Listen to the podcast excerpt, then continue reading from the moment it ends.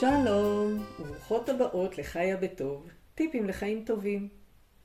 אני חיה שמעון, מטפלת הוליסטית, דולה, מכשירה נשות מקצוע, מעבירה סדנאות, מנהלת את קבוצת הפייסבוק הנשית מקשיבות לגוף, ומחברת הספר לדת אישה. בשני העשורים האחרונים אני עוסקת בנושא של התפתחות אישית, הן בפן האישי, אני לומדת, מתקרבת לעצמי וגדלה בכל יום, והן בפן המקצועי בו אני מלווה נשים בתהליכי צמיחה והתפתחות. במהלך הלימודים והשינויים שעשיתי, צברתי טיפים שמסייעים לי לחיות חיים טובים ומספקים. בפודקאסטים אני שמחה לשתף אתכם בטיפים קלים ליישום, שיוכלו לשפר גם את חייכם. אני מדברת בלשון נקבה כי עובדת עם נשים, אך התוכן מיועד גם לגברים, ומוזמנים באהבה להקשיב. בפרקים האחרונים התייחסתי לאכילה מודעת. אחד הכלים שיצרתי להזכיר לנו לאכול בצורה מודעת הוא ראשי התיבות של סעודה למלכה. הרעיון מאחורי ראשי התיבות הוא לאכול כמו מלכה ולהרגיש מלכה, כלומר, לאכול אוכל טעים שעושה לי טוב, והכי חשוב, להרגיש טוב לאחר מכן ולהיות בריאה. בכל פעם, לפני שמכניסות משהו לפה, לזכור סעודה למלכה. בפרקים הקודמים התייחסתי לאותיות למד הראשונה בלמלכה שמייצגת את השאלה למה, למה רוצה לאכול, למם שמייצגת מה, כלומר מה לאכול, וללמד השנייה שמייצגת לאט, לאכול לאט. היום אתייחס לכף, כמה לאכול, ולהי הכרת הטוב, וכמובן טיפים איך ליישם אותם. מוכנות? מתחילות. אחרי שעצרנו רגע והחלטנו שרוצות לאכול, בחנו מה מתחשק לנו לאכול, שיעשה לנו טוב, ואנו אוכלות לאט. השאלה היא כמות האוכל. כמה לאכול? איך נדע מתי להפסיק לאכול כדי שנרגיש טוב לאחר מכן?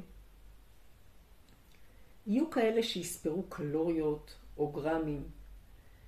זהו מדד חיצוני שמנסים לעשות אותו שווה לכולנו, והוא לא תמיד מתאים לכל אחת ואחד. הדרך הטובה ביותר לדעת מה הכמות שטובה לי היא להקשיב לגוף. אני רוצה להסביר את ההיגיון מאחורי נושא הכמות. לא רק שבגלל שאם נאכל מעבר למה שנכון לנו, נרגיש כבדות ומפוצצות לאחר הארוחה, שהיא תחושה לא נעימה, וגם נעלה במשקל. בנוסף, יש עוד תופעת לוואי לאכילה מעבר לכמות הנכונה, היא מחלות כמו סוכרת, יתר לחץ דם, בעיות במפרקים, ויש עוד לא מעט מחלות שמחוברות לאכילה, אכילת יתר וגם אכילת מזון שלא מתאים לנו. השאיפה שלנו היא לאכול את הדברים הנכונים לנו, בכמות הנכונה לנו, להרגיש טוב ולהיות בריאות.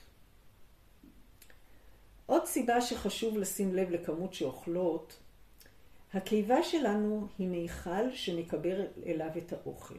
בקיבה מופרשים אנזימים וחומרים שמסייעים לעיכול הראשוני של האוכל ולספיגה של חלק מהחומרים. אם הקיבה מלאה מדי, אין מקום לאנזימים להגיע לכל מרכיבי האוכל והתהליך פחות יעיל. להמחיש את העניין, חישבו על מכונת כביסה. אם נמלא אותה בצורה צפופה, המים והסבון לא יגיעו לכל הבגדים. המרחב שנחוץ כדי שהבגדים יספגו את המים ויקבלו את השפשוף הנחוץ כדי להוריד את הכתמים לא קיים, והבגדים לא יצאו נקיים. כך גם בקיבה. כדי שהאוכל יוכל להתעכל כמו שצריך, כלומר להתפרק פירוק ראשוני, ספיגה של החומרים החיוניים לגוף והמשך למעי, יש צורך במרחב תנועה לאוכל בתוך הקיבה. לכן חשוב שהקיבה לא תהיה מלאה. אז מה הכמות האידיאלית? הרמב"ם מתייחס לכך בהלכות דעות פרק ב' לא יאכל אדם עד שתתמלא כרסו, אלא יפחות כמו רביע משביעתו.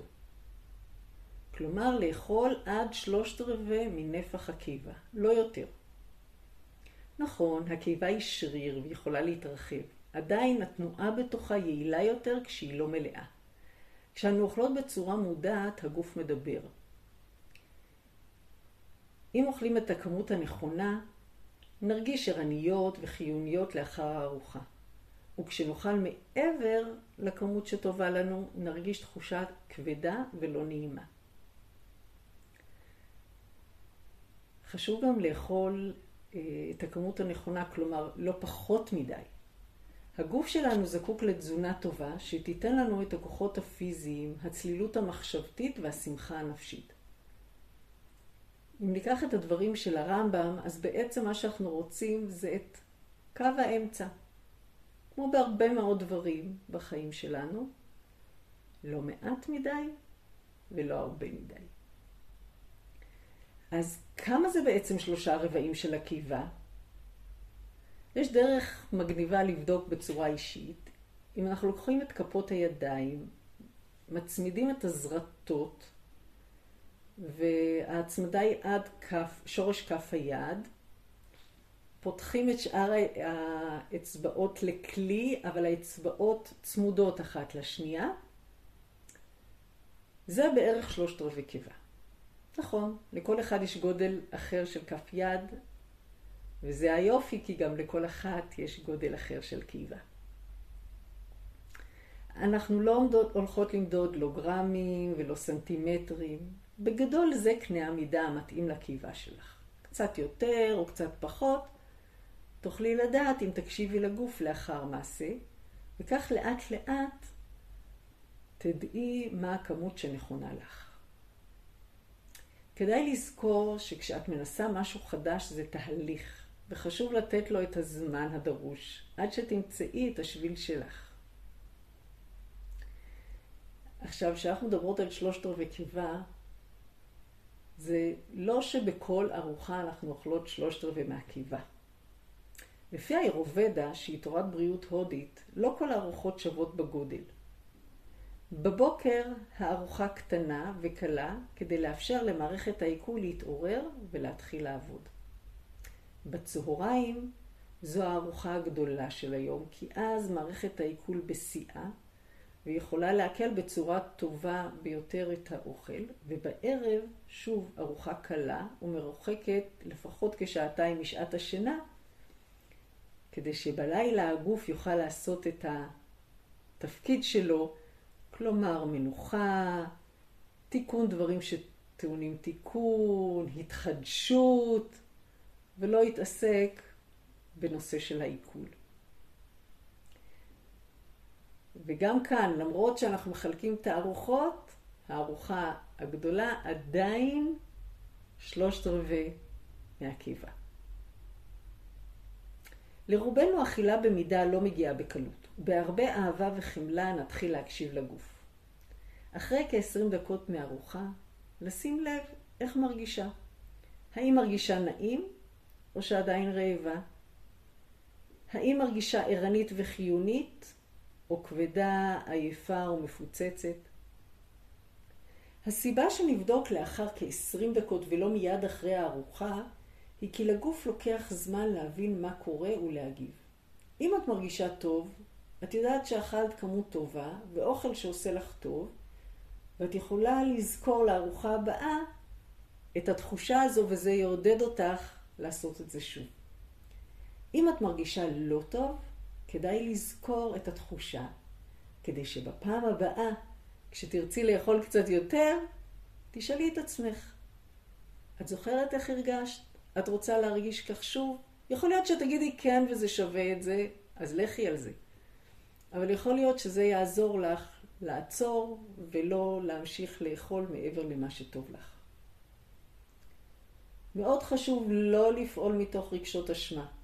אנחנו בתהליך למידה, ורק עם הרבה אהבה וחמלה נוכל ללמוד ולשפר לפעם הבאה. זה בסדר גמור לטעות, לנסות וליפול. פשוט לזכור איך הייתה ההרגשה, כדי שבפעם הבאה ההחלטה תהיה מושכלת. גם אם את לא לגמרי שבעה, לפני שאת לוקחת תוספת, חכי 20 דקות. לא פעם תחושת השובע מתחילה לעבוד מאוחר יותר. ואם תמתיני 20 דקות, תחושת הרעב פתאום תיעלם, וכך חסכת כמות מיותרת של אוכל. את יכולה גם להמשיך בתרגול של שבוע שעבר, להשאיר את הביס האחרון, לחכות 20 דקות ולראות אם את רוצה אותו שאת יכולה לוותר עליו. לפעמים, כשאנחנו מדברים על כמות של האוכל, כדאי לזכור שלא פעם אנחנו אוכלות עם העיניים. רוצות להרגיש שפע באוכל, שאוכלות, ולא שאנחנו אוכלות אה, כמות קטנה, ואז המוח ישר נכנס למגננה של רעב ולוקח הרבה. אחת הדרכים לתפוס שתי ציפורים במכה אחת, כלומר, שגם העיניים ישבעו וגם הקיבה יהיה לה טוב, היא לאכול בצלחת קטנה. צלחת של מנה ראשונה. נשמע אולי מוזר, אך בהרצאה מאלפת של בריין ווינסינק, אני מקווה שאני אומרת את השם נכון, הרצאה ב TED, צירפתי קישור להרצאה בהערות של הפרק. הוא מספר על מחקר שנערך בארצות הברית, שמראה שגודל הצלחת מכתיב את כמות האוכל שאנו מגישות לעצמנו. נשמע מוזר, במיוחד לנשים אינטליגנטיות כמונו, שמודעות לכל הנושא. נראה מוזר שגודל הצלחת תשפיע. ובכן, זה אחד הניסויים שהם עשו. לקחו תלמידי שנה רביעית באוניברסיטה, הרצו להם במשך 90 דקות על כך שגודל הצלחת קובע את כמות האוכל שאדם לוקח לעצמו. דרך אגב, גם להם נראה מוזר שדבר כזה ישפיע על אנשים אינטליגנטים ומודעים, והם הרגישו שלהם זה לא יקרה. אחרי ההרצאה הם אה, יצאו לחופשת סמסטר, וכשהם חזרו, הזמינו אותם למסיבת צפייה בסופרבול. חילקו אותם לשתי קבוצות בצורה אקראית. בחדר אחד הגישו כיבוד, וכל אחד לקח לעצמו בצלחות קטנות, ובחדר השני אותו דבר, רק בצלחות גדולות יותר. עשו איזשהו טריק שהם לא ישימו לב ושקלו את הצלחות שלהם אחרי שהם סיימו אה, למלא אותם. וגילו שבממוצע בעלי הצלחות הגדולות לקחו כמות של 15% יותר מאלה שהיה להם את הצלחות הקטנות. עכשיו, אם זה קורה פעם אחת בחיים, אז סבבה, לא קרה כלום שאכלנו יותר. אבל אם זה קורה כל יום, שאנחנו אוכלות בצלחות גדולות ולוקחות כמות גדולה יותר של 15 אחוז, בשנה זה יכול אה, לעלות לנו בעלייה של 7 קילו אה, במשקל, וכל זה בגלל גודל צלחת. אז כשאנחנו חושבות על שינויים, אז חשוב שהשינויים שלנו יהיו קטנים. כדי שההצלחה, נצליח בהם וההצלחה תגרור הצלחה. אז אם אנחנו רוצות להוריד כמות, אני חושבת שלבחור בדבר קטן כמו לאכול בצלחת קטנה זה שינוי יחסית קטן, וככה אנחנו, העין תראה שהצלחת קדושה והיא תהיה שבעה, ואנחנו נאכל לאט, אז גם זו תהיה כמות שתספיק לנו וגם הקיבה תהיה מבסוטית. וכך אנחנו נרגיש שבעות בסוף הארוחה. לפעמים אנחנו נמצאות במקום שאין בו צלחות קטנות.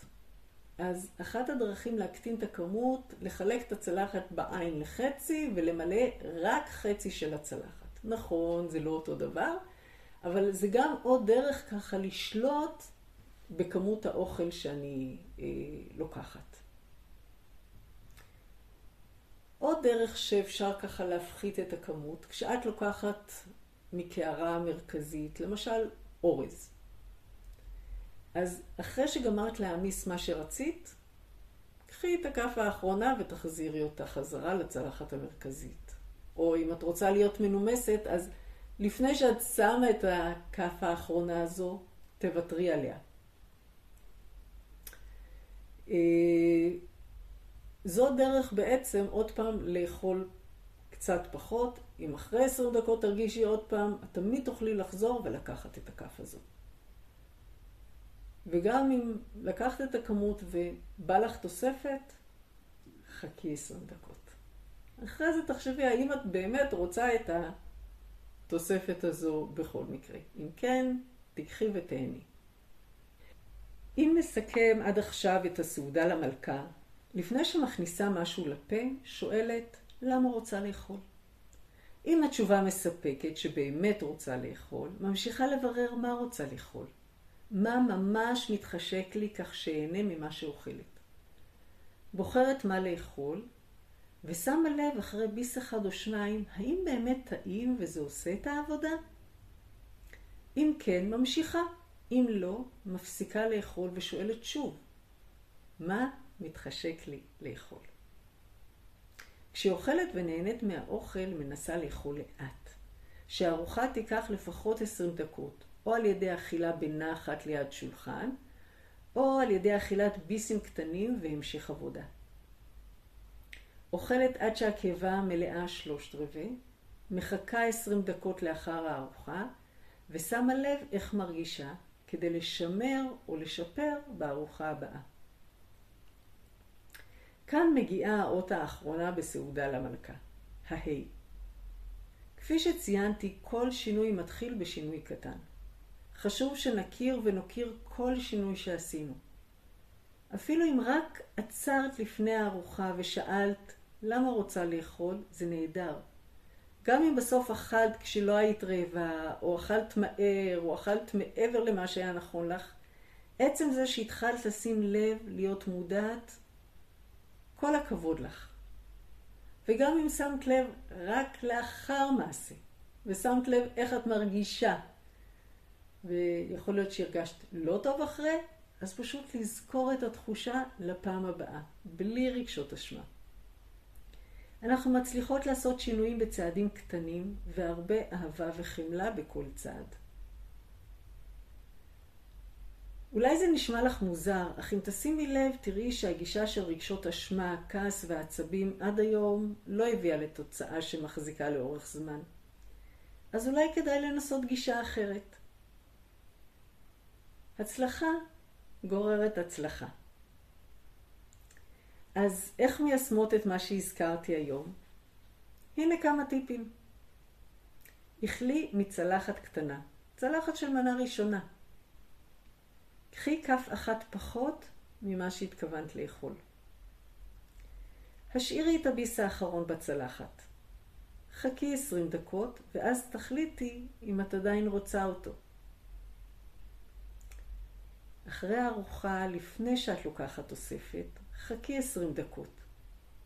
ואז בדקי שוב, האם את באמת רוצה אותה? הכירי תודה על כל אחד מהשלבים של סעודה למלכה שהצלחת לעשות. זה לא מובן מאליו. בהצלחה. זהו להפעם. שלום ולהתראות.